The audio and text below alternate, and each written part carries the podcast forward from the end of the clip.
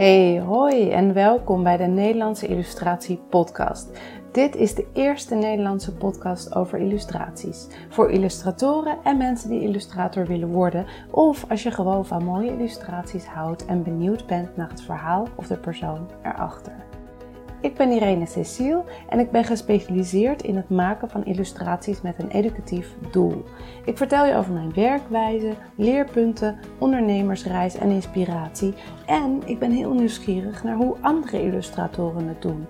Welke passie of niche ze hebben, hoe ze zich hebben ontwikkeld, wie hun leermeesters zijn en hoe ze hun bedrijf runnen. Ik weet bijna zeker dat we elkaar zo verder kunnen helpen en inspireren. Ik heb er weer heel veel zin in. Leuk dat je erbij bent. Welkom weer bij de Illustratie Podcast. Ik ben vandaag uh, een interview met Carmen Groeneveld. Ik ken Carmen van Instagram, uh, verder nooit live gezien, behalve dan nu via Zoom. Um, en uh, ja, ik vond het heel grappig, want Carmen had op haar Insta, in haar in je bio, daar staat je komt voor de illus en je blijft voor de vibes. En dat vond ik wel heel grappig en dat, deels klopt dat. Ik blijf voor de vibes, maar ook voor de illustraties. Ehm, en uh, ja, dus dat was je energie en je sparks en ook je ondernemerszin. Dat sprak me echt heel, sprak, spreekt me heel erg aan.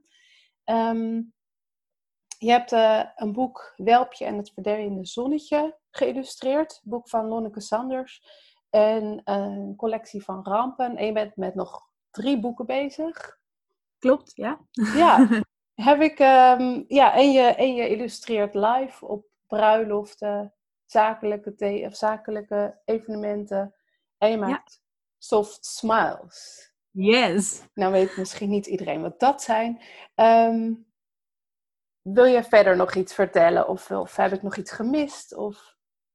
Uh, dat was een hele mooie samenvatting. Ik vind het ook super leuk om te horen dat je die vibes ook zo ervaart. Want dat mm -hmm. uh, ben ik blij om. En uh, ik zal zo vertellen wat soft smiles zijn en welke project ik dan eigenlijk mee bezig ben. Maar vind ik een heel leuke intro. Dankjewel. Nou, mooi. Leuk, welkom. Um, ja, want nou, laten we maar gelijk met die soft smiles. Want dat, wat, wat zijn dat? Soft smiles zijn illustraties waar je een lach van krijgt. Um, het zijn persoonlijke illustraties in opdracht. En die maak ik vaak naar aanleiding van een verhaal of van foto's. En het is vaak een herinnering vastgelegd van dierbaren. Of juist een ultieme droom die ik alvast verbeeld voor iemand. En um, het zijn illustraties die met in een lijstje koopt. En die kan je cadeau doen of voor jezelf cadeau doen. En uh, ja, ik vind ze zelf een feestje om te maken, omdat ik heel vaak terughoor naar de hand dat mensen er jaren later nog steeds elke keer een lach van op hun gezicht krijgen als ze hem in een woonkamer zien staan. Um, dus dat zijn soft smiles. Wat leuk. En wat mooi ook om uh, dromen te verbeelden van mensen. Ja, dat lijkt me, ook heel, lijkt me ook heel leuk om zo'n opdracht te krijgen. Dat je dan iemand heel enthousiast een droom hoort vertellen. Ja, ik, ik word echt ik ga helemaal aan op dromen. En ik hou van mensen die ambities hebben, die groter dromen dan dat mogelijk lijkt. En een voorbeeld is bijvoorbeeld een eh, A4-illustratie van een gezinnetje in een droomhuisje in de tuin. En de man is dan de kano aan het uh, bouwen die hij graag wil bouwen. En de kinderen spelen met de kippen. En dat in een tuin waar dan de vrouw yoga doet. En die, dat is helemaal de familiesetting die ze graag voor zich zien. En als ik dat dan aan het maken ben, dan realiseer ik me ook dat ik door het te verbeelden al wat dichterbij breng voor dat gezin. En um, ja, ik vind het gewoon tof als mensen daadwerkelijk durven dromen en het ook uit laten komen. En uh, ja, dat, dat, dat zie je dan in de illustratie en ook de pret van de feedback die ik krijg van mensen, dat is gewoon goud. Mooi. Ja, tof. Leuk. Um, even nog een beetje achtergrond. Want um, je hebt ooit, je bent ooit begonnen met sociologie te studeren. Je hebt je bachelor afgemaakt. En toen heb je volgens mij een switch gemaakt. Of hoe is, dat, hoe is jouw pad gegaan? Hoe ben je gekomen waar je nu bent? Nou, mijn pad begon al jong, zoals bij iedereen. Maar ik uh, heb altijd tekenen leuk gevonden. En echt op enorm jonge leeftijd zei ik gewoon tegen mijn moeder... Ik word bestseller, schrijfster en illustrator. En Dat was een nieuw woord wat ik had geleerd, bestseller. Maar ik wist dat ik het wilde worden. Wat cool. en uh, tekenen vond ik heel tof. Verhaaltjes maken. En um, op een gegeven moment op de middelbare school haalde ik goede cijfers voor tekenen. En dacht ik, cool, kunstacademie. Maar um, ik had, zat heel erg vast in het idee, ik heb VWO gedaan, ik moet iets universitairs gaan doen. Iets waar ik iets aan heb. het zijn echt allemaal belemmerende gedachten. Maar um, toen dacht ik, ik wilde de schrijversvakschool doen. dacht ik, nou, dat is niet niet echt nu een studie die ik dan zou gaan doen. Dus dan misschien journalistiek, want dat is ook schrijven. Maar dat was HBO. Dus toen kwam ik bij sociologie, want dan schrijf je papers. Heel andere vorm van schrijven. Maar mm. mijn hoofd echt dat linkje van universitair en toch iets van uh, schrijven en mensen begrijpen. Dus uh, toen ben ik dat gaan doen. Maar dezelfde maand dat ik die studie koos, verkocht ik mijn eerste tekening op Instagram. En dat liet wel belletjes rinkelen van, oh, je kan hier ook geld mee verdienen. Nice. Tijdens mijn bachelor sociologie heb ik um, mijn bedrijf opgezet. Ik heb die tekening verkocht. Ik heb een website gemaakt, Facebookpagina. En ik ben eigenlijk dat gaan opbouwen en meer uh, netwerk gaan bouwen terwijl ik uh, mijn bachelor deed. En uh, na die bachelor, toen dacht ik, ik heb ook nog tijdens mijn bachelor een minor in Australië gedaan in kunst op de universiteit. Daar kon je wel um, ja, illustra illustration for narrative doen, dat is voor verhalen. En ik deed schilderen en uh, digitale kunst en fotografie. En daar werd het vlammetje helemaal aangestoken en aangewakkerd, wat al in me aan het branden was. Dus toen ik terugkwam, heb ik mijn thesis geschreven, was ik helemaal klaar mee en uh, besloot ik geen master meer te doen, maar vol voor mijn droom te gaan. En uh, ben ik hier. ja, wat cool. Wat goed. Ja. Ja, en um, wat heb je tussendoor dan ook nog gewerkt op plekken, gewoon om geld te verdienen? Of ben je gelijk... Uh... Je valt even weg, geloof ik. En bij de Oh. Oh. Ja. Ben ik er weer? Ja, je bent er weer. Oh, okay. Ik stel de vraag even opnieuw. Ja. Um, want ben je tussendoor ook nog gaan werken of, uh, of ben je gelijk als ondernemer begonnen? Ik heb tijdens mijn studie heb ik in horeca gewerkt en ook andere kleine bijbaantjes zoals uh, uh, auto's stellen langs de weg. maar om daarmee weer investeringen te kunnen maken voor mijn bedrijf en uh, gewoon de huur te kunnen betalen. En in 2017 um, ehm, was ik afgestudeerd van mijn bachelor en in 2018 ben ik fulltime als illustrator gaan werken. Ik kreeg toen heel erg de vraag: heb je dan heel veel opdrachten liggen? Uh, nee. Heb je dan heel veel spaargeld? Uh, nee. Heb je dan al vooruitzicht op heel veel opdrachten? En ook daarop was het antwoord nee. Maar ik voelde gewoon dat het voor me zou werken als ik niet mijn tijd half-half moest indelen met mijn bijbaan en mijn eigen creatiewerk. Mm-hmm. ik, ben, ik heb gewoon de sprong genomen eigenlijk toen. Ja, wat goed. En toen, hoe ging dat verder? Want je had dus geen opdracht in het vooruitzicht. Hoe ben je begonnen? Um, gewoon met creëren. En um, ik hou heel erg van netwerken. En uh, mensen ontmoeten, geïnspireerd raken. Uh, zorgen dat mensen mij leren kennen. Um, ik heb in die tijd verschillende dingen gedaan, zoals, zoals ook ondernemersnetwerken.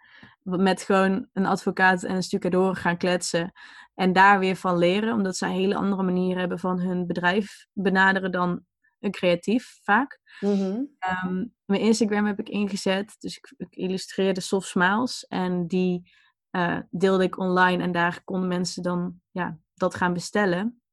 En um, in die tijd dat ik dus voor mezelf helemaal ging, heb ik ook die prijs omhoog geschroefd, omdat ik meegroeide, zeg maar. Dus ja. op die manier uh, ben ik er eigenlijk een beetje ingegroeid. Uh, maar dat ging absoluut niet zonder wortel of stoot. En ja, dat, dat was ook op mijn Instagram te zien. Ik heb de, de, de weg ernaartoe en eigenlijk mijn weg nu nog steeds. Die deel ik best wel veel in mijn stories. En ik heb ook gewoon stories gemaakt met, huil, met het huilen, met de tranen op mijn wangen van hey, ik heb de hele maand geen softmaal weten te verkopen. Dit hoort er ook bij. Maar ik Ja. heb vertrouwen in dat het nog wel komt. Maar daarom ben ik nu een beetje sad. Ja, precies. Ja. Ja, want dat... Oh, sorry, wat zei je? Sorry, ik heb daar heel veel van geleerd. Ja. Ja, want dat, dat, dat sprak mij ook zo aan. Eh, en daarom dacht ik ook, ik wil jou graag interviewen. dat ik dacht van, je, je deelt inderdaad heel erg je ondernemersreis. En je bent illustrator en je maakt tekeningen, illustraties. Maar dat is natuurlijk niet het enige. En ik heb zelf heel erg ehm, jaren dat ik, nou ja, ondernemer tussen aanhalingstekens was. Of nou, ik had mijn eigen bedrijf. Um, Als ZZP'er, ik maakte tekeningen of, of, toen maakte ik nog foto's en websites en dingen. Maar het echte ondernemen, dat deed ik gewoon niet. Ik was eigenlijk een soort van, ik had een baan, ehm, het voelde als een baan. Van ik kreeg een opdracht en ik ging dat doen. En dan mhm. deed ik gewoon wat die opdrachtgever zei. Maar jij bent wel heel snel al, of heb je dat ondernemen erbij genomen. En dat vind ik echt wel heel cool. En dat is volgens mij ook best wel uniek als illustrator slash creatief persoon. Ja, ik denk ook wel dat dat bij mij in zit. Want uh, toen ik in de eerste zat van de middelbare school en in de tweede had ik al een webshop met sieraden die ik zelf in elkaar knutselde. En ik maakte telefoonhoesjes, of ja, die illustreerde ik en liet ik drukken. Dus uh, toen al was ik bezig met uh, dingen creëren die ik kon verkopen. Ehm, dus ik denk dat het ondernemerschap uh, illustreren erbij genomen heeft. Nee, grapje. Het is een beetje hand in hand gegaan. ja, ja, ja, precies. Ja. En, um, want ik weet ook nog, ik was een paar jaar geleden dat ik zelf een beetje in een, in een dipje zat qua bedrijf. En dat ik, uh, nou, vooral weer aan het zoeken was van welke, ik moet een andere kant op, ik moet bewegen. En toen ging ik op zoek naar een, um, uh, ik dacht, ik heb daar hulp bij nodig. Ik, ik wil een business coach gaan. En toen mhm. zag ik dat jij, jij had die op dat moment, of jij vertelde het op Instagram. Dat triggerde mij ook heel erg. Ik dacht, oh wat leuk, jij doet dat gewoon al. En jij hebt die stap, dat ik dacht, oh je bent maar, jij hebt hem al gezet. Wauw, wat cool. En hoe, hoe is dat bij jou gegaan? Want dat, um, je hebt het, dat dus al vrij snel gedaan. Ja, ik had denk ik, even kijken, ja, vier jaar dan officieel bij de KVK een bedrijf. En ehm, ik was dus in, in mijn tweede jaar fulltime aan het illustreren en aan het werken voor mezelf. En het was weer een punt dat het ja, vast liep en dat de opdrachtenstroom een beetje stroef was en ik bijna geen geld meer had. En ik zei toen tegen mezelf, Carmen, dit is weer zo'n punt dat je echt bijna niks meer te maken hebt. Uh, je kan nu of een loondienstbaan gaan zoeken, zodat je die financiële zekerheid kan creëren. Of je gaat in jezelf investeren en je gaat gewoon zorgen dat je binnen je bedrijf uh, dat geld gaat verdienen. Want ik dacht, ik heb dit niet voor niks. Er zit hier heel veel waarde in. Ik maak dingen van waarde, dus daar mag ik geld voor krijgen. En als ik Ehm, dat is ook wel een beetje de eigenwijze karma in mij hoor. Ik heb echt voor mezelf bedacht, een loningsbaan is voor mij not done. en dat is natuurlijk heel zwart-wit, want het is echt heel mooi om een hele fijne baan te hebben naast je illustratorwerk. Maar voor mij was het een soort van teken van als ik het voor mezelf doe, dan leef ik mijn droom het meeste na. En ehm, ja, het is voor mij een soort drijfveer om te kunnen voelen dat ik het vanuit mijn bedrijf haal. En ik dacht, dan gaan we daarop focussen. Dus ik heb een um, business coach gevonden die heel erg bij me paste. En dat gesprek was ook heel leuk, omdat zij toen zei, nou ja, gezien je financiële situatie kan je misschien één gesprekje doen of we kunnen het opbouwen. En toen zei ik gewoon, nee, doe maar de hele mikmak, een jaar mhm. lang. Uh, flinke investering uh, die, die ik voel, zeg maar. Mm die ik ook nog niet had. Ik had absoluut niet dat bedrag, gewoon niet eens bijna. Maar ik dacht, ja, dit is gewoon voor mezelf kiezen. Ik ga in mezelf investeren en dan krijg ik dat terug. En dat voelde ik in mijn tenen, dat voelde ik in mijn buik, ik voelde het overal. Ik dacht gewoon, dit gaan we gewoon doen. En als het niet lukt, dan lukt het niet. En dan vind ik een manier waarop het wel werkt. Dus toen uh, zei ze van ja, slaap er nog een nachtje over. En uh, ja, ik heb het toch een beetje met uh, de staart tussen mijn benen aan mijn moeder verteld. Van, hé, hey, ik wil dit gaan doen. Als, uh, ze is altijd heel supportive, maar ze dacht wel, oeh, wow, hallo, uh, are you mm. sure? Ja. Um, en gelijk met die keuze die ik toen maakte, is er heel veel gaan bewegen. En um, met die keuze kwam er een bepaalde zelfvertrouwen terug en een bepaalde pit in me.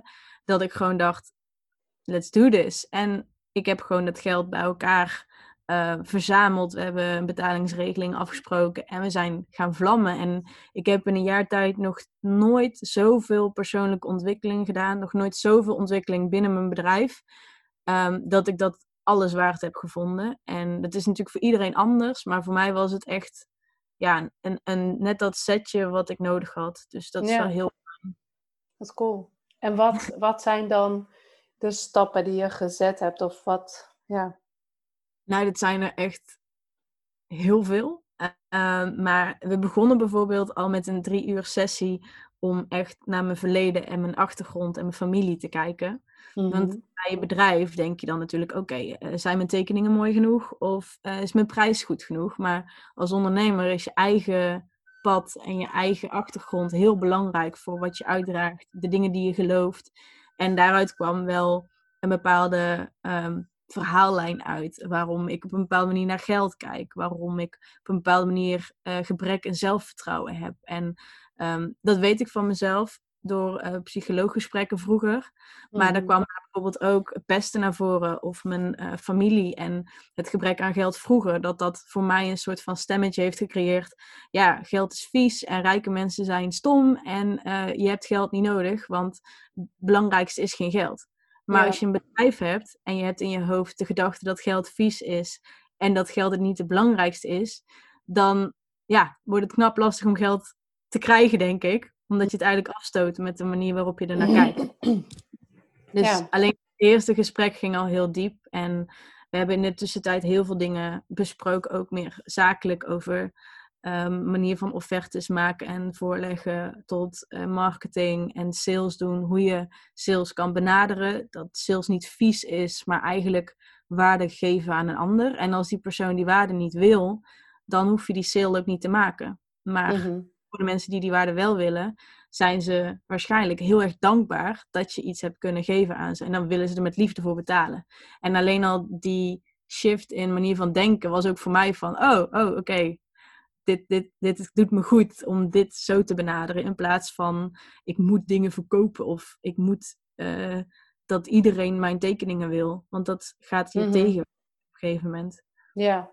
ja, dus meer van het autoverkoperbeeld naar mensen helpen. Um, Door te laten zien, kijk, dit kan je bij me kopen. Het hoeft niet, maar het mag wel. Maar dit is er.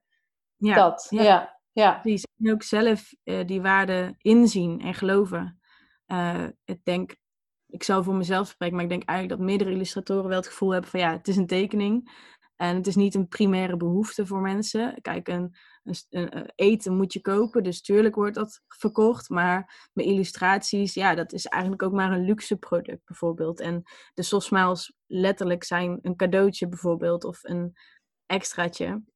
En um, dat, dat, dan voelt het heel erg alsof ik iets maak wat niet per se hoeft of zo. En als mhm. je dat gelooft, dan is het ook heel moeilijk om daarin te geloven, ja, daarin vertrouwen te hebben dat het er mag zijn. Dus ja. uh, ik heb ook heel veel aan die manier van benaderen van mijn eigen werk gewerkt eigenlijk. Dus ja.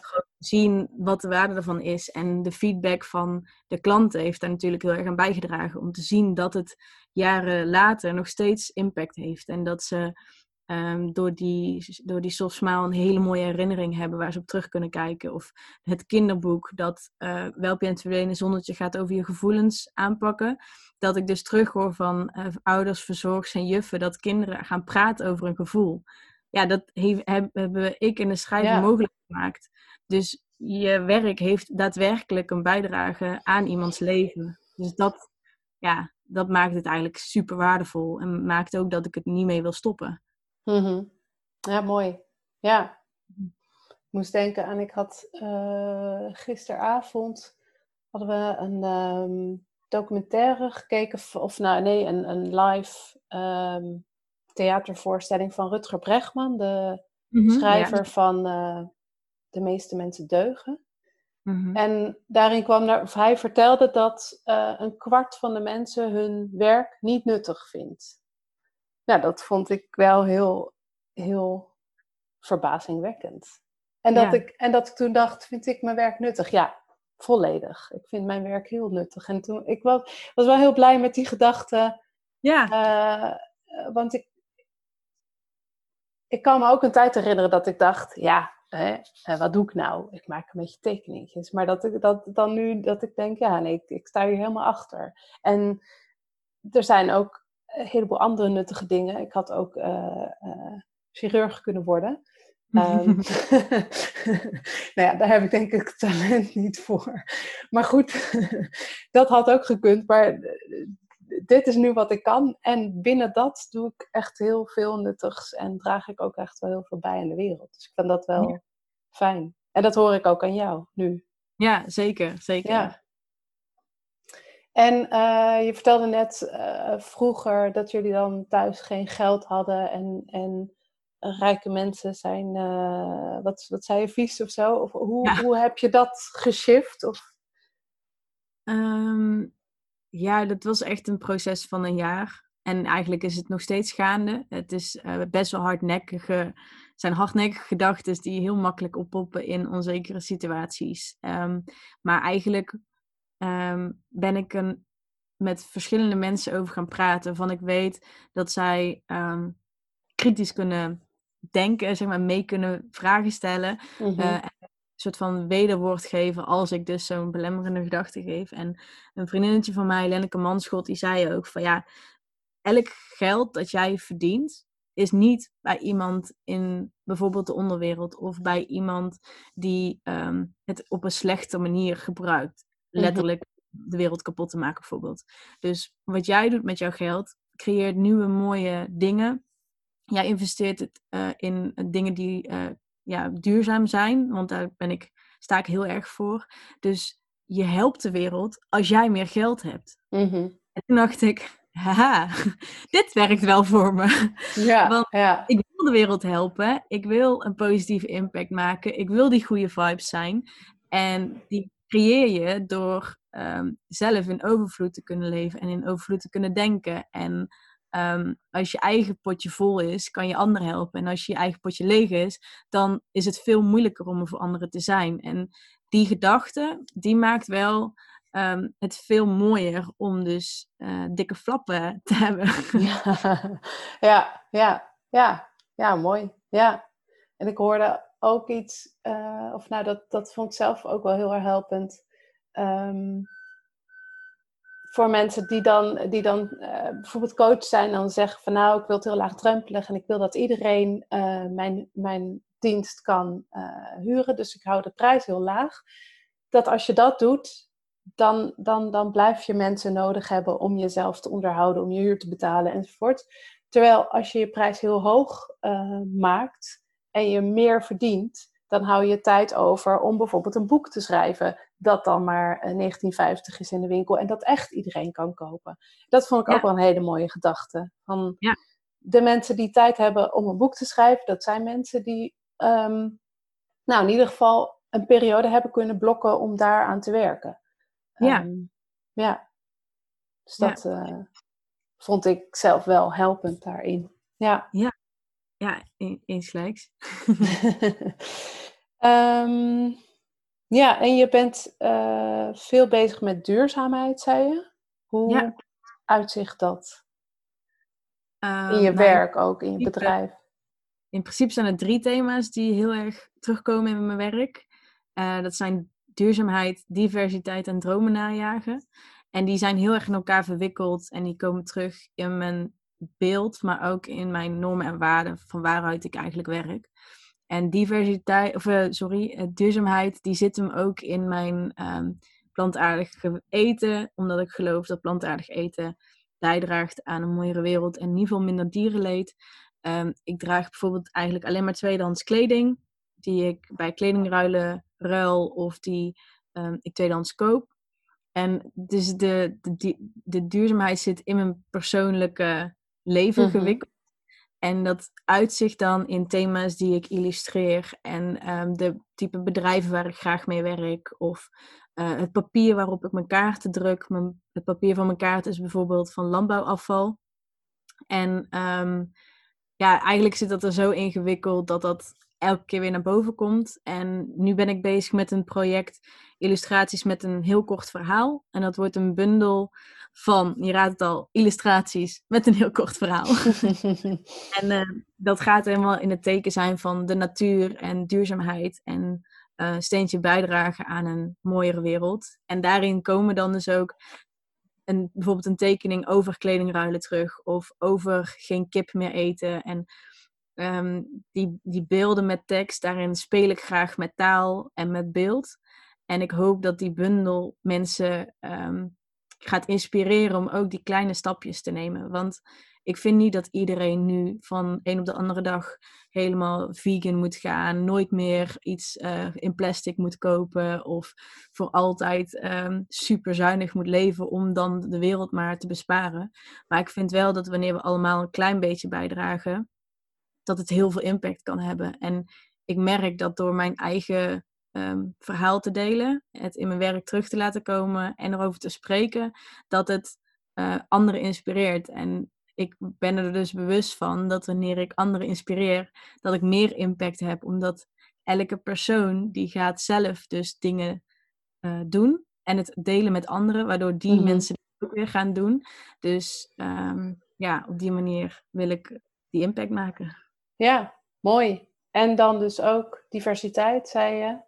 En, Want dat zie ik ook veel terug in je tekeningen, dat je daar heel erg mee bezig bent. En in de, nou, niet dat dat nu voorbij is, maar in de Black Lives Matter periode was je daar ook.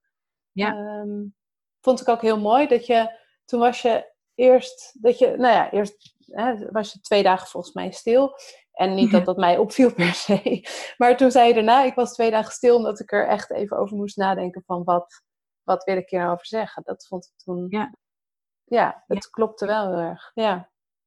Ja, ik heb dat eigenlijk. Ik ben er al veel langer mee bezig. En de Black Lives Matter movement is al heel lang gaande natuurlijk. Maar toen was het ehm, door George Floyd heel erg ja, in de media en uh, van, uh, in de picture. En ik heb toen twee dagen. Ik was 1 juni bij, de, um, bij het protest in Amsterdam geweest. Heb ik ook heel erg afgewogen vanwege corona, moet ik dat doen of niet? Maar ik vind het zo belangrijk en misschien voor de context ook niet onbelangrijk om te zeggen dat ik half Surinaams ben.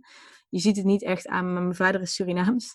En uh, ik heb van vroeger al uh, verhalen van hem gehoord over de slavernij. En ik zie de discriminatie die er is. Of dat je wil of niet, het is er wel. En ik merk ook dat ik door mijn uiterlijk niet die discriminatie krijg, over me heen krijg. En dat vind ik heel oneerlijk. En ik vind het ook moeilijk om dan te zeggen: ik ga iets doen in diversiteit, omdat het ook een beetje voelt van: ja, maar ik word niet gediscrimineerd. Maar ik denk juist doordat ik niet gediscrimineerd mm uh, of in ieder geval, ja, juist dat ik op bepaalde dingen kan laten zien, dat ik het gewoon moet doen. En dat ik niet moet zeggen: dit is niet mijn strijd, want het is onze strijd van ons allemaal. En um, ja, ik wil dat gewoon laten zien dat het niet eens een strijd hoeft te zijn. Want het is gewoon de basis. Gelijke mhm. rechten en gelijke normen en waarden. Weet je wel, gewoon uh, iedereen is, uh, ja, mag er gewoon zijn. En ik weet ook dat ik, um, zelfs al ben ik bezig met het onderwerp diversiteit, nog heel veel um, dingen te leren heb. Of nog heel veel uh, niet diverse dingen doe. Bijvoorbeeld Ehm, mensen die disabled zijn, die teken ik niet zo heel vaak. Of uh, omdat ik zelf geen bril heb, teken ik al minder vaak mensen met een bril. Omdat je dus zo erg mhm. gewend bent te creëren wat je kent.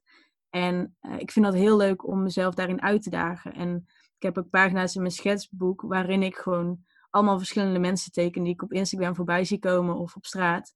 En ik daag mezelf daarin uit om niet elke keer een meisje met donker haar te maken met krullend haar omdat ik dat ben. En dat is wat mhm. ik ben. Alleen dat teken je ook makkelijker en sneller.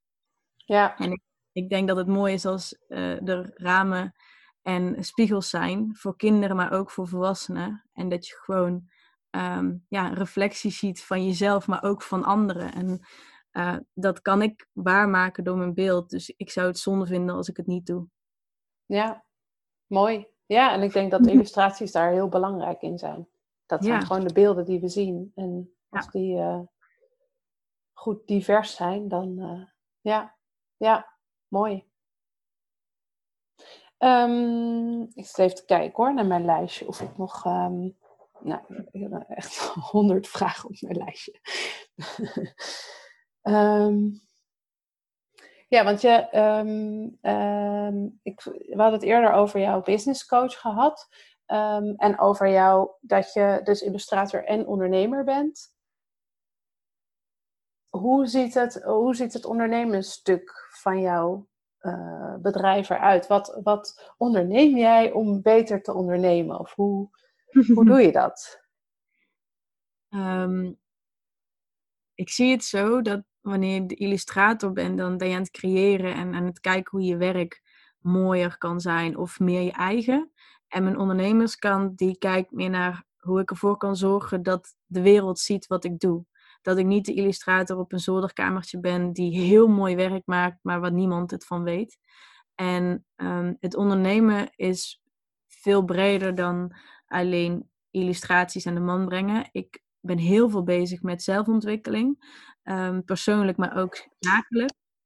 Ik leer over uh, marketing, SEO, uh, social media inzetten, uh, maar ook netwerken en dus praten met andere mensen in een ander vak en zien hoe zij hun werk benaderen en hoe zij um, bijvoorbeeld hun prijs benaderen ook. Het is wel vaak zo dat mensen die illustreren of ja, creatief zijn, denken dat ze arm zullen zijn. En ik zie het ook om me heen dat je eigenlijk in sommige delen van het illustratorschap ook echt een baan nodig hebt ernaast. Of een uh, partner die een baan heeft waarvan je een beetje mee kan leven. en dat is, ik, ik vind dat zelf vrij kwalijk. Want dan denk ik, het is een, een vakgebied. Het is een, uh, ja, het is een expertise die je hebt. En daar mag je waarde voor krijgen. Dat, je levert waarde, daar krijg je geld voor. Dat is hoe het werkt. En ik kan er dan heel erg gaan opeten dat, dat um, dat het dan niet in mijn ogen eerlijk beloond wordt of zo. Dus in plaats van in een, in een hoekje in een feutushouding te gaan liggen, boos te zitten zijn op dat het zo is, uh, dacht ik, wat kan ik dan doen om het anders te benaderen? En um, ik illustreer bijvoorbeeld live op bruiloften en evenementen. En um, het is algemeen bekend dat bij bruiloften best veel um, geld geïnvesteerd wordt. Want mensen worden blij van die dag, ze kijken er naar uit en ze sparen daar lang voor waarom is het soort van normaal dat daar wel veel geld naar uitgaat en naar een cadeautje misschien niet zo snel heel veel?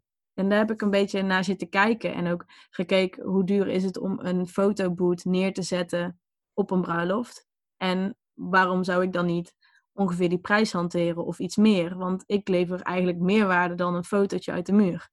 Dus in plaats van te gaan vergelijken met wat collega's vragen voor een tekening of wat ik zelf denk wat ik zou betalen voor een tekening, ging ik kijken naar de markt en welke andere soortgelijke producten er zijn. En dan vergelijk ik mijn waarde die ik toevoeg met die dienst. En dat is dan specifiek in de bruiloftsindustrie, maar dat deed ik eigenlijk met alles wat ik, uh, wat ik aanbied of wat ik creëer. En ik denk dat je door die benadering veel meer van een andere hoek gaat kijken en niet uit je eigen portemonnee. Want ik merkte ook dat ik ehm, ging nadenken, als ik denk van zou ik dit betalen of zouden mijn vrienden dit te betalen, dan vergelijk ik met een heel andere portemonnee. Want mijn vrienden zijn niet mijn klanten. En door die mhm. shift te maken, om te kijken van er is heel veel geld in de wereld en er zijn heel veel mensen met heel veel geld die met liefde een illustratie van 200 euro willen kopen. Of van 600 euro, of van 1000 euro, of een kunstwerk van een miljoen. Dat bestaat. Dus mhm. waarom zou ik dan de illustrator zijn die, die het voor een tientje doet?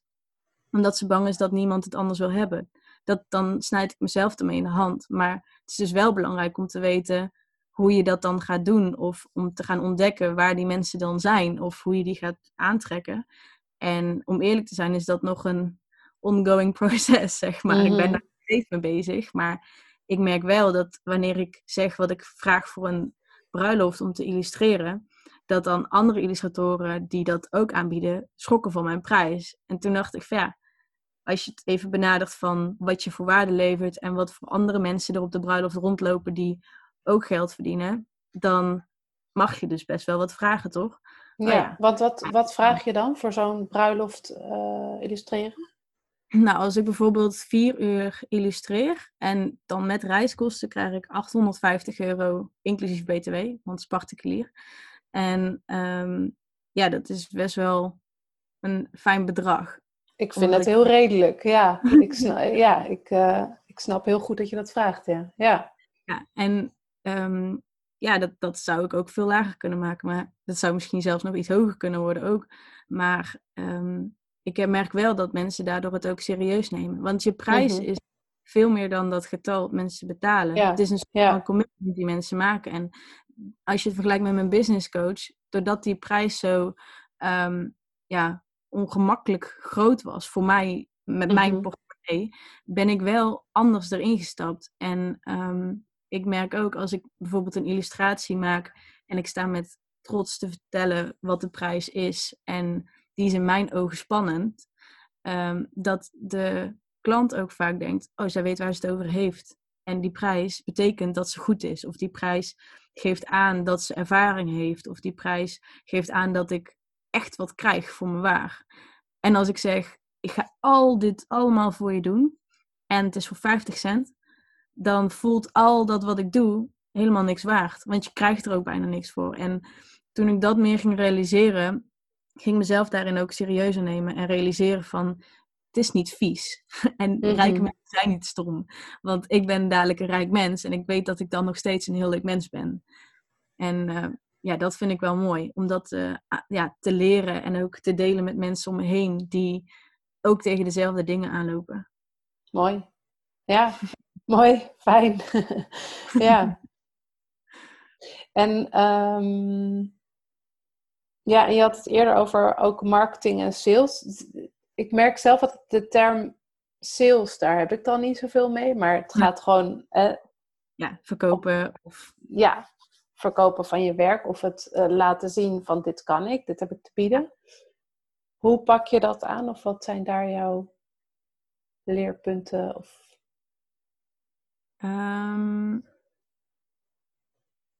nou, een voorbeeld. Ik, krijg, ik heb heel veel verschillende manieren dat ik mijn opdrachten binnenkrijg.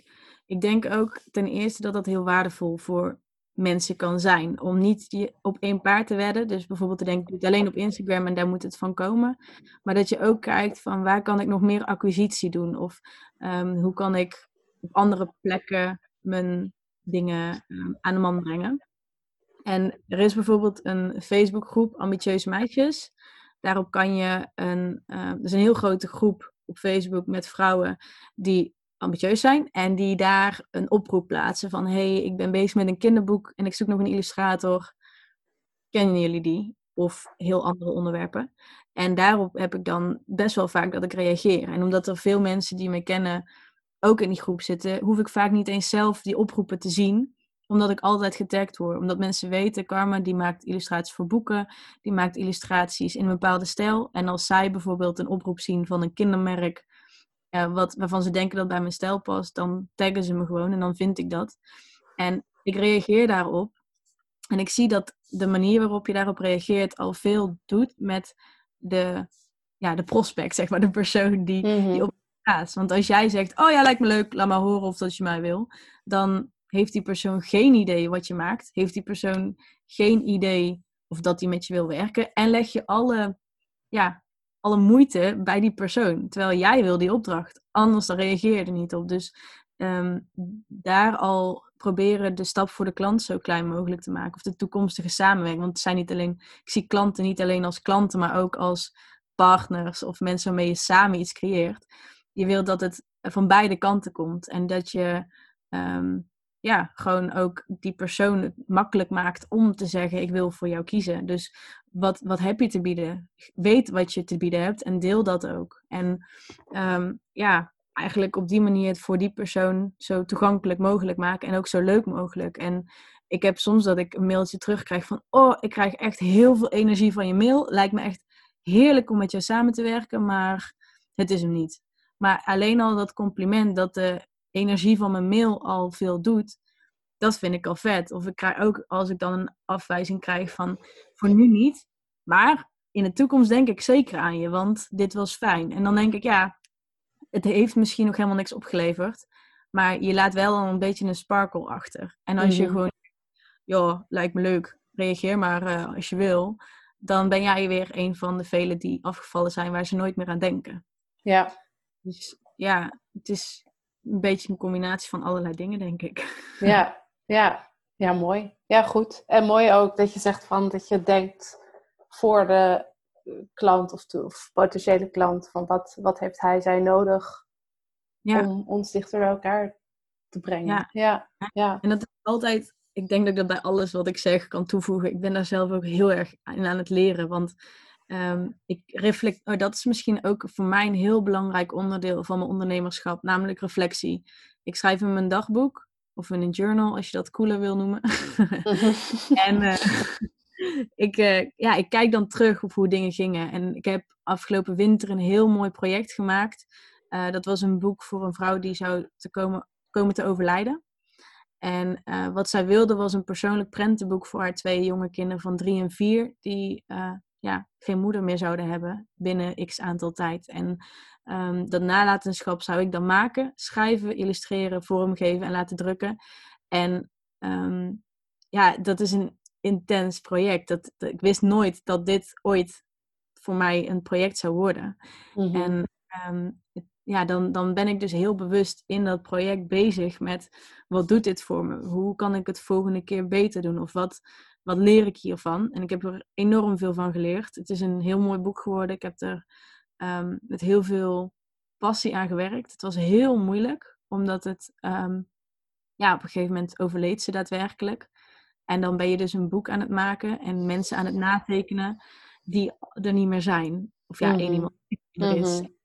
Ehm, maar die, eh, dat proces, dat, dat ga je door. Dat moet je ook door. En ik leerde daarin bijvoorbeeld dat je echt goed moet communiceren naar de klant. Al heb je teleurstellend nieuws, eh, moet je dat niet vooruitschuiven. Want dan wordt het alleen maar een groter probleem. Dus waar ik vaak tegen, of ja, vaak, waar ik dan tegenaan loop, is dat ik merk dat ik een deadline niet ga halen. eh, omdat het me toen heel emotioneel aangegrepen was. En ik Mhm. pas, ik zat echt in een writersblog, een creatieblog, niks kwam eruit. En dan denk ik, ah, maar morgen gaat het lukken. Dus ik ga nou nog niks sturen, want ik heb nog drie dagen. En dan, de morgen lukt het ook niet. En dan, ehm, in plaats van dat ik dat dan vooruitschuif en dan op de dag van de deadline zeg, ha, shit, het is niet gelukt. Kan ik een week van tevoren zeggen, hey, dit is er gaande. Vind je het goed als de deadline verplaatst wordt? Of eh, je belt, sowieso bij slecht nieuws heb ik geleerd, het beste even bellen. Want Ja. een mailtje is gewoon plat en een gesprek is veel persoonlijker. En ehm, je geeft slecht nieuws. Dat is niet leuk. En slecht nieuws hoeft niet super depressief nieuws te zijn. Gewoon een nieuwtje van, hé, hey, de tekening is mislukt. dat gebeurt niet zo snel, maar bijvoorbeeld even iets tastbaars. Dan, dan heb je al iets meer binding met de klant dan gewoon zo'n mailtje van, yo, you. Eh, Ja. En dan heb ik dat project gehad en dan reflecteer ik ondertussen dus van, oh, volgende keer gewoon mijn ego aan de kant zetten, want het is je ego. Je wilt gewoon niet dingen zetten. Dus ego aan de kant en gewoon gezegd van, hé, hey, ik bel even, want dit is gaan. En dan zegt die persoon ook van, ja, wij zitten ook helemaal tot onze oren in emoties. We snappen dit. Succes. Mhm. Als we iets voor je kunnen doen, laat het weten. En dan ben je samen weer in verbinding en dan creëer je samen dat weer. In plaats van dat je het zelf maar gaat eh, proberen op te lossen en eigenlijk je afspraken niet nakomt. Doordat ik dus eh de persoon opbel, dan creëer je die verbinding samen. En dan probeer je het niet zelf maar op te lossen en kom je je afspraken niet na. Dan creëer je samen nieuwe oplossingen en nieuwe, nieuwe afspraken. En dan ervaart de klant of de persoon waarmee je samenwerkt het ook als minder naar. Omdat je ook merkt dat je er je best voor in ieder geval voor doet. En dat soms dingen ertussen komen. En Ja. ja, ja dat, dat en die reflectie op die dingen maakt dat ik dus bij mijn volgende project die fout minder snel zou maken. Ja. ja, precies. Ja. Wel een heel mooi project. Ja, Ik, ja, ik, ik snap dat het super emotioneel is, maar het is wel. eh, En ik, had, ik vond het wel grappig wat je zei: van je had je nooit voor kunnen stellen dat dit een project zou worden. Dat je, je, had Ja. nooit, je had niet per se kunnen bedenken: dit wil ik later doen. nee. Maar kan je er, of als je er nu op terugkijkt, is het dan iets waarvan je denkt: zoiets zou ik vaker willen doen? Ehm, ja, zeker. Ehm, het is wel dat ik daar bepaalde ehm, een bepaalde manier van benadering anders in ga doen. Dus uh, bepaalde dingen beter afschermen voor mezelf, omdat het best wel een persoonlijk project is. Mhm. En er zitten heel veel emoties bij uh, betrokken.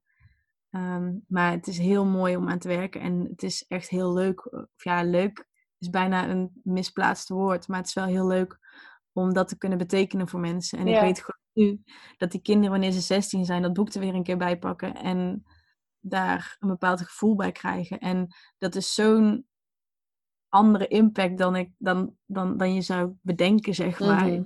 Ja, Dat is gewoon, en ja, dat, dat vind ik gewoon vet. Ik doe het vooral voor anderen, merk ik. De, Ja. Wat het anderen betekent.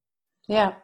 Ja, en je zei dat ook ergens in het begin van een van je waarden was dan ook verbinding.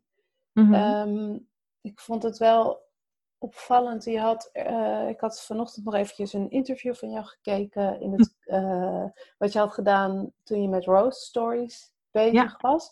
En toen in dat filmpje zei je, ehm, eh, ik teken, of ik weet het niet meer letterlijk natuurlijk, maar iets van, ik teken te veel voor andere mensen en dat ik te weinig kijk naar wat wil ik nou eigenlijk. ja, En toen ja, dacht ik aan hoe je nu nog steeds eh, en toen zei je van nou, dat is Dat in proces. Ja, precies. en hoe je nu dan op Instagram nog steeds vraagt eh, over die illustraties bij een klein verhaal. Ja. Dat je dan een vraag stelt en dan kunnen de, jouw volgers kunnen dan stemmen wat diegene dan eet of zo. Ja. Dat, dan denk ik, hé, maar dan doe je het weer. Of hoe, of hoe moet ik Ja. dat zien? Ik denk dat de basis anders is. Ehm, als ik bijvoorbeeld eh, zo'n boek creëer eh, voor iemand die komt te overlijden, dan maak ik het voor die persoon. Mhm. Maar er zit natuurlijk heel veel voor mij in. In de zin van Ja, de voldoening die ik ervoor krijg en dat soort dingen. Ehm, dus dan Nee, maak dat- ik ja. wat ik wil maken. En bij eh, illustraties voor een kort verhaal met de poll, waarin dus inderdaad mensen kunnen stemmen hoe de illustratie eruit komt te zien, dan lijkt het van buitenaf waarschijnlijk heel erg alsof ik creëer wat anderen willen. Maar alsnog is het een poll met twee opties. En dat Ja. zijn twee opties die ik allebei leuk vind om te maken, anders staan ze niet als optie. En eh, het project zelf ehm, komt echt ook weer van, van, van mijn eigen behoeften terecht. Dus dat project eh, is gecreëerd tijdens ehm, dat kinderverhalentraject van Rose Stories. Ik was toen bezig met een kinderverhaal. En toen was het heel erg vanuit de gedachte... de mensen van dit project en de mensen om me heen willen dat ik een kinderboek maak. Want het is een kinderverhalentraject. En ik moest een begin, een plot en een eind en een karakter. En er moest iets moois van komen. Maar die pressure legde ik heel erg op mezelf. En eigenlijk was ik elke dag of elke week een creatie aan het maken van een tekst met een beeld in mijn schetsboek. En toen op een gegeven moment, toen zei Martijn van der Linden, de, mijn begeleider toen, van... Hé, maar wil je dit eigenlijk wel maken? Toen was van, nou, ja, weet ik niet. Waarom pak je niet dat schetsboek van jou en maak je, weet je wel, dat doe je toch liever? En toen was van, ja, dat klopt. Kan dat dan ook, weet je wel? En zei hij, ja, een kinderverhaal is toch heel breed, weet je? Je, je hoeft niet helemaal in stramien van wat je denkt dat anderen willen te werken. En de basis is dus al gecreëerd uit waar ik zelf zin in had om te merken, werken. Dus door het op te pakken, ehm, maak ik het dus wel vanuit mezelf. Alleen, je hebt wel gelijk dat je ziet dat het dan alsnog gericht is op de mensen. Maar daarin denk ik dat ik heel erg die ehm, soort van ehm, innovatieve manier van het creëren van een boek zoek. Eh, soms vind ik het interessant om te zien dat wat boekmakers bedenken, dat dat dan maar op de wereld komt. En dat het er ineens is. En het is een, een proces, een creëerproces geweest van de uitgeverij, schrijver, illustrator bijvoorbeeld. Mhm. En ik dacht, wat nou als je als volger meebepaalt hoe het boek eruit komt te zien? Dus wat nou als ik de hele voor, het hele voorproces al laat leven? Dan eh, heb je die verbinding onderling. En dan heb je eh, wat nog niet helemaal tot zijn recht gekomen is. Maar wat ik heel graag wil doen, is dat ik, terwijl ik dus nu dingen deel, al wat eh, educatie meegeef of wat inspiratie voor duurzaamheid. Dus dat het voorproces van het boek al op zichzelf waarde heeft. Ja, ja, ja, precies. Dus, dus tijdens het maken bereik je al een deel van je doel door je volgers te betrekken en ze iets te leren over duurzaamheid. Ja, precies. En, en, het boek, dat, ehm, ja, dat, dat is er nog niet. En ik zeg wel dat het een boek wordt, maar ik heb nog geen uitgeverij. Dus elke uitgeverij die nu hoort dat ik aan het boek ben, mail me. Nee, precies, uh, ja. en ja, dat boek, dat, ik heb gewoon vertrouwen in dat het er komt. En als er, ik heb het uh, één keer gepitcht uh, bij dus dat traject en daar ben ik op afgewezen. En ik heb het nog niet opnieuw rondgestuurd, uh, omdat ik ook iets meer ben gaan geloven in de afgelopen vijf jaar van mijn bedrijf.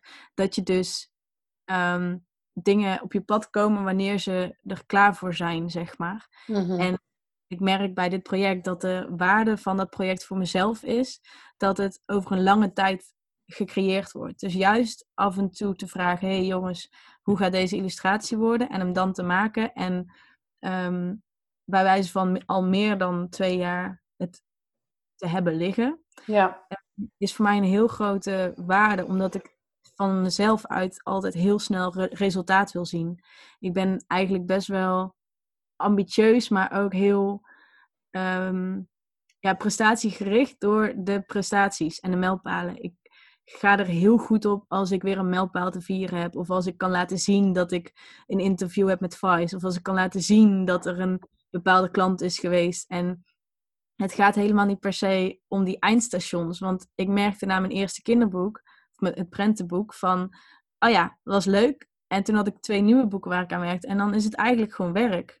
Mm-hmm. Ja, dan is het ja. zelf nieuw. En dan is je boek nog steeds een babytje. Wat je, zelf, wat je creëert. Maar het is weer een babytje. Of ja, dan moet ik het niet gaan vergelijken met kinderen. Want ik heb helemaal geen verstand En nog één, ja. ja, nog zo. ik voel me helemaal genoeg mee. Maar wel gewoon dat, dat het dus eigenlijk inderdaad gewoon werk is. En dat het repre, re, um, repetitief wordt. Dat het opnieuw ja. weer gaat zijn. Dus uh, het is belangrijk dat je het voor jezelf zo creëert dat het opnieuw steeds uitdagend en leuk is. En dat dit boek dus een boek is wat niet nu direct een prestatie is, maar iets waar ik lang op moet gaan zitten ja, brouwen. Dat ja. is voor mij in mijn ogen wat ik daaraan ga leren. Dat is um, juist dat boek over natuur, duurzaamheid en eigenlijk ook een beetje, uh, ja, niet mindfulness, maar wel een beetje dat rustige. Uh, dat ga ik denk ik het beste ook overbrengen als ik dat rustig doe. En als ik het creëer wanneer ik in de tuin ben of als ik het ja. creëer op vakantie. Dus ja, ik, ik vind dat wel cool. En dat ik dus daar, daarom nou nog geen uitgever heb, vind ik ook niet erg. Maar nee. het is wel, ja, wel mooi dat ik het dus met mijn volgers kan doen. Want ik merk dat ik daar heel veel aan heb en heel veel uh, motivatie ook uit haal. Dat er wekelijks 160 mensen gewoon denken: ik wil hierop stemmen, want ik vind het leuk. Ja, dat is best wel cool. Ja, leuk. En nu is het niet wekelijks, want ook dat ben ik weer tegengekomen. Dat die prestatiedrang en de uh, consistentie die ik wil laten zien op Instagram van elke week die poll, dat het ook weer tegen me gaat staan. Dus het is, ja, uh, ja ik weet niet, ik vind het wel interessant hoe dat proces eigenlijk mij heel veel dingen leert. Dus ja. bij wijze van zou het niet eens erg zijn als het boek er niet is, omdat het de weg ernaartoe al heel veel heeft gebracht. Ja.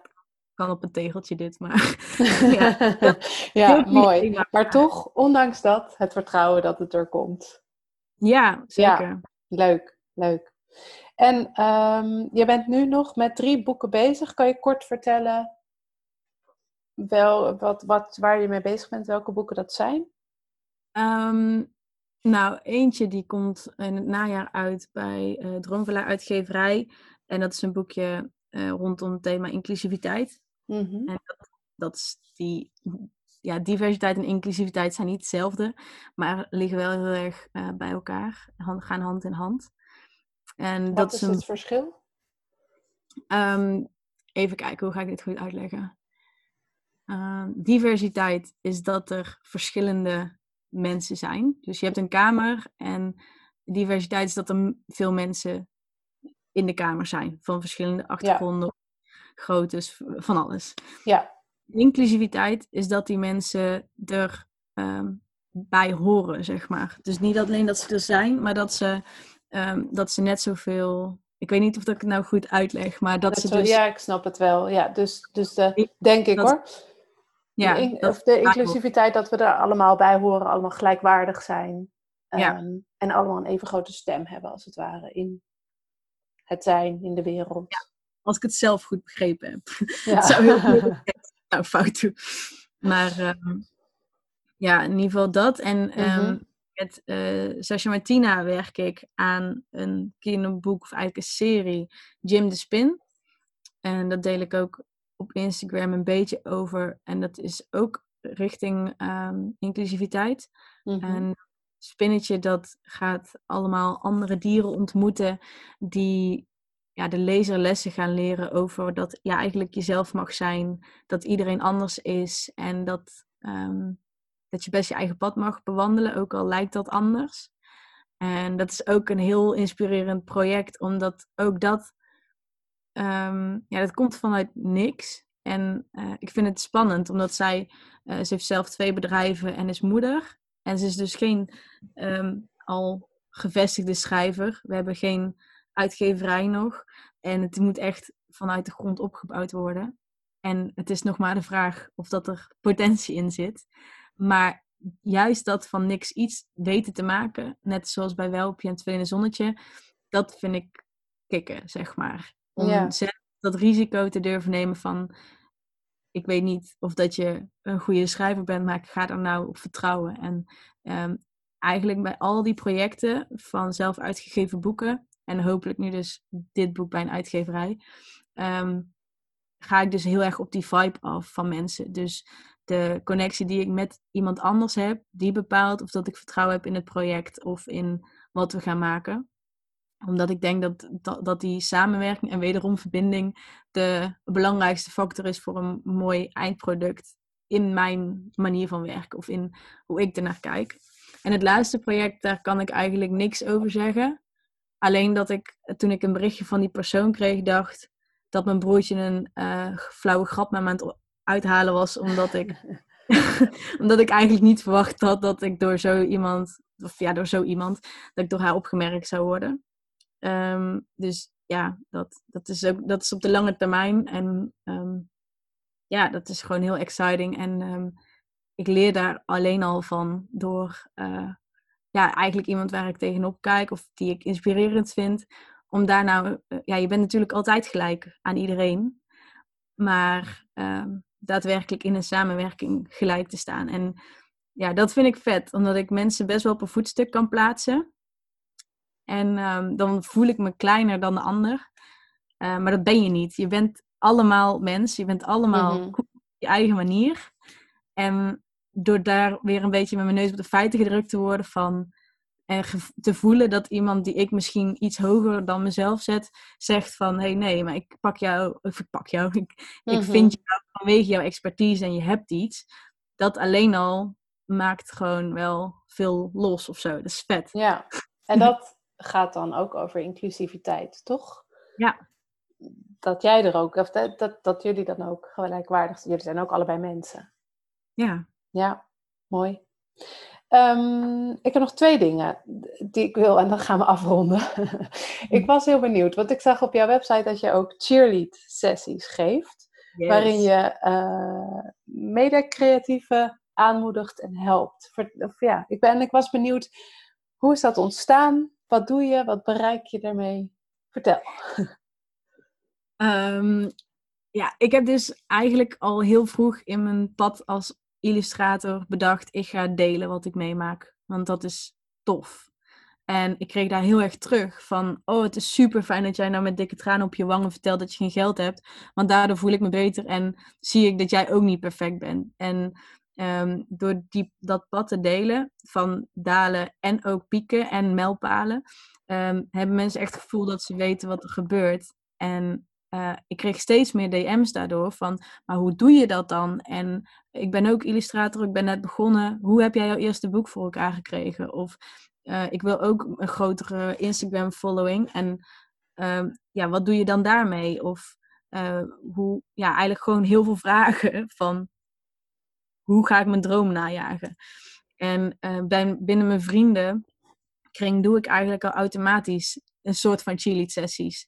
Dus als een vriendin zegt van, hey, ik wil met mezelf mijn droom najagen, maar ik durf niet.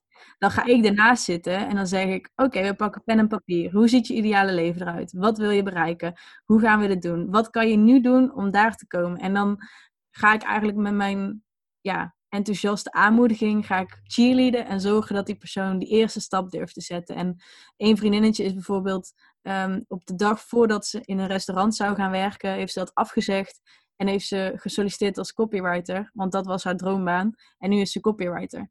En door dat te gaan doen, dacht ik, oh, dit, dit helpt mensen echt. En uh, ik geloof dat een van de grootste goede, het grootste goed in het leven is dat je je droom najaagt en jezelf 100% durft te zijn en durft te shinen. En ik merkte dat door gewoon zo'n gesprekje van een uur, dat al voor mensen kan ja, losmaken. Dus toen ik dus die vragen begon, meer en meer kreeg op Instagram, begon ik gewoon te reageren met: hey, ik kan nou wel een, een voorbedacht antwoord op DM beantwoorden, maar daar ga jij nooit iets aan hebben. Je gaat nooit mijn pad bewandelen, want dat is dat van mij. Dus als je wil, ga ik voor 50 euro in een uurtje echt met je praten en echt mhm. dit doen. En dan schrijven ze een mailtje met hun vragen en een portfolio of iets in die richting. En dan gaan we in dat uur echt er in de diepte. En dan naar de hand krijgen ze een hele lange mail met antwoorden en uh, extra tips en mensen uit mijn netwerk waar ik ze mee kan verbinden. En dat was de eerste keer en ik vond het super eng om te vragen. Geld voor een gesprek. Hallo. wie, ben, wie denk ik wel niet dat ik ben? En toen zei die persoon, oh super fijn. Ja, eigenlijk ook heel raar dat ik denk dat jij die tijd voor mij gratis even vrijmaakt. Want je hebt het super druk. Ik uh, zou met liefde dat gesprek hebben. Dankjewel. Ik kan dan en dan. En toen dacht ik, oh wauw, cool. En ik had dat gehad. En dat is zo door gaan bouwen. En ik heb het wat verder uitgebouwd. En nu is het echt een dienst op mijn website. En ik doe dat echt met heel veel plezier. Want los van dat het anderen inspireert, inspireert het mezelf ook heel erg. Ik ga ook helemaal stralen als ik eraan denk. Want ja, het is zie het. ja. Het is heel vet om gewoon met een heel kritische vraag iemand soort van aan te prikken en te zeggen: ja, maar weet je dat die gedachte helemaal niet waar is. En dan is ik zo, oh ja, misschien kan ik wel gewoon influencer worden. Of kan ik wel dat boek gaan illustreren. Of kan ik wel gewoon stoppen met deze baan. En dan is het, ja, klopt. Zullen we dat maar eens gaan doen? en dat is hmm. Ja, superleuk. Ja. Cool. Ja. ja. Ja, mooi. En um, over dromen gesproken, wat zijn dan jouw grote dromen nog? Nog, ik bedoel, nu. mijn dromen nu. Um, op het moment ben ik met een heel spannend en leuk project bezig. En um, dat is ook heel intens. En daar kan ik verder niks over delen. Maar de, de hierin meedoen uh, is voor mezelf een, een droom waarvan ik eerst niet wist dat ik hem had. En nu ik erin zit, merk ik dat ik hem gewoon het liefste door wil gaan uh, met mijn volste ik. Dus dat ik in deze periode is het mijn droom om mijn vibe, die ik goed over, online kan overdragen, om die vast te kunnen blijven houden, zelfs wanneer ik heel erg uit mijn comfortzone getrokken word. Mm dat klinkt heel scriptisch, dus ik heb ook een iets tastbare droom voor je. maar ik... gaan we nog over horen, dus ja, in de toekomst. Ja, leuk. Maar uh, in ja, eigenlijk is het voor mij een grotere droom om eigenlijk uh, dat boek, um, Illustraties met een kort verhaal, um, genoeg energie en, en, het plantje water te geven, zeg maar, dat het um, heel organisch uh, ontstaat. En ik wil met dat boek heel graag bereiken dat ik um, daarmee dus mensen inspireer om duurzamer te zijn. En dat kinderen het op school gaan inzetten om samen lessen te doen, om te leren over die verschillende onderwerpen. En ook om zelf te gaan creëren. Dus dat een kindje ehm, een tekst schrijft en dat een ander kindje daar een tekening bij creëert. En dat je zo um, wederom verbindt en dingen laat, laat maken. En dat dat boekje van mij dat eigenlijk gaat initiëren en dat, dat gaat creëren. Dus eigenlijk is het mijn droom dat dat boek er komt en dan nog heel veel impact kan maken door hoe het toegepast gaat worden. Mooi. Fijn. Ja, nou dat Gaan we doen. Ja, toch? Ja, komt eraan. Wordt vervolgd. Ja. Nou, heel fijn. Heel dankjewel uh, voor dit hele mooie, fijne, inspirerende gesprek. Wederom voor je energie. Graag gedaan. Jij ook. En dat was het weer. Dankjewel voor het luisteren. In de show notes vind je linkjes naar alle relevante informatie die genoemd is, zoals websites, titels van boeken en natuurlijk de illustraties. Ga naar www.irenececiel.com podcast en dan Cecile is met C-E-C-I-L-E en klik op de titel van deze aflevering. En mocht je deze aflevering interessant gevonden hebben, er inspiratie uitgehaald hebben, dan zou ik het heel fijn vinden als je je abonneert op de podcast. Of als je een review achterlaat via iTunes, een screenshot deelt op social media of er gewoon anderen over vertelt. Zo help je mij meer mensen te bereiken. Het kost een paar minuutjes en ik ben je er nu alvast heel dankbaar voor. Super leuk dat je luisterde en tot de volgende keer.